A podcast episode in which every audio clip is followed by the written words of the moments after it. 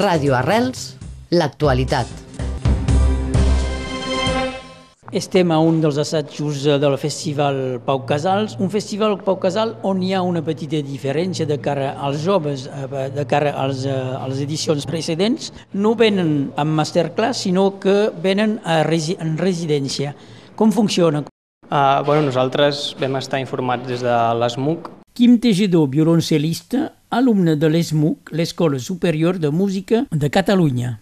Uh, som vuit persones, que, que, vuit alumnes de l'ESMUC que ens van, ens van proposar de, de participar en el festival ja, ja, fa, un, ja fa uns mesos i, i bueno, doncs estem aquí, això, doncs, hem d'estar al final 18 dies, ja en portem una setmana i estem doncs, això disfrutant molt, treballant amb grans professionals i estem aprenent moltíssim i, i bueno, estem aquí molt contents. Veig que el teu instrument és el violoncel, eh, és una mica especial de tocar el violoncel i de venir al Festival Pau Casals. Home, sí, és, és tot un goig doncs, poder estar aquí on va estar tant de temps Pau Casals i, i al final també és un goig que és un festival que al final doncs, treballa molt amb xelistes i estan venint doncs, els millors xelistes del món. Uh, avui mateix estem tocant amb el Gautier Capusson, l'altre dia vam tocar amb la Sol Gaveta, a vindre l'Anastàcia Kobequina d'aquí uns dies i bueno, és, és tot un luxe. A més, hem, hem tingut inclús masterclass amb ells. Avui, per exemple, jo he fet amb una classe amb el Gautier Capusson, l'altre dia amb el quartet em vam fer amb la Sol Gaveta i, i bueno, és, això és un luxe, és, és un somni pràcticament.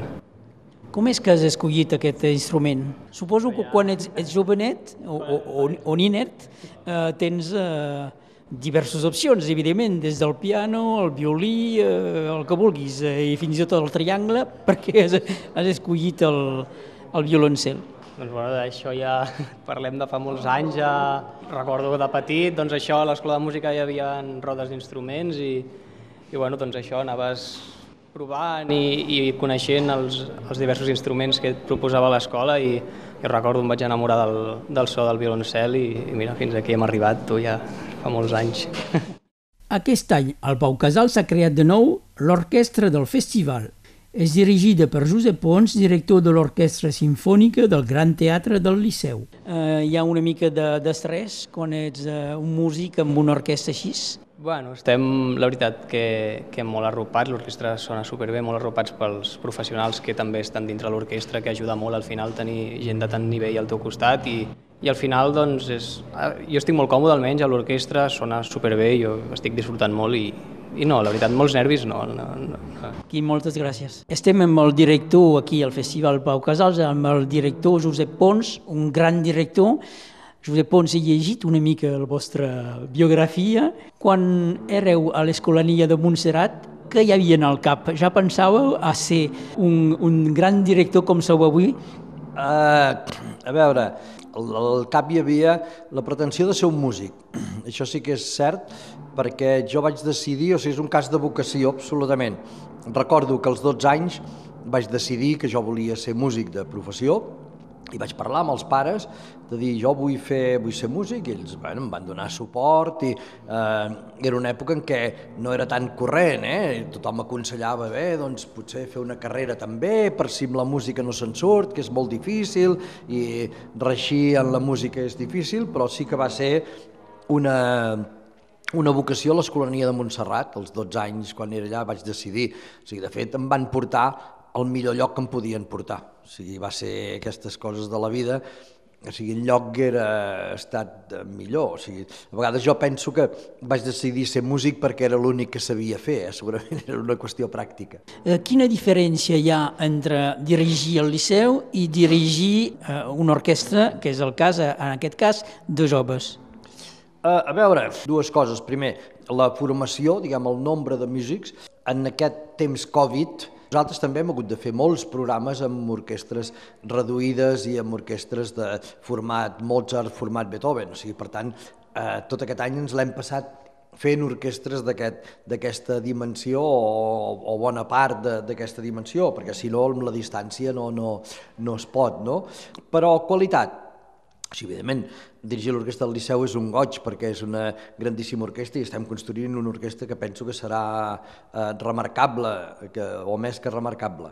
Però, al tant, aquesta orquestra és una orquestra sensacional, o sigui, el, el, el, el que s'està fent al festival penso que és molt, molt, molt, molt bonic. Bueno, rememorant aquesta idea de casals una mica i, el, clar, l'orquestra hi ha molts joves músics, però d'entre aquests joves n'hi ha de professionals de primera fila, o sigui, el quartet de corda, el quartet solista de corda, ells formen part d'un quartet que es diu Quartet d'Utier, però a més a més el viola és, és cap de violes de l'orquestra de l'orquestra de París, eh, també el, el cello, eh, són músics que formen part de grandíssimes orquestres com a solistes i que aquí lideren aquesta orquestra, també el quintet de vent solo, també fan un grup eh, de primera línia, un grup solista de primera línia. Llavors, són les altres veus, el, diguem, les seccions en la corda, el primer contrabaix, la primera contrabaix és la primera contrabaix de l'orquestra de la Suisse Romande,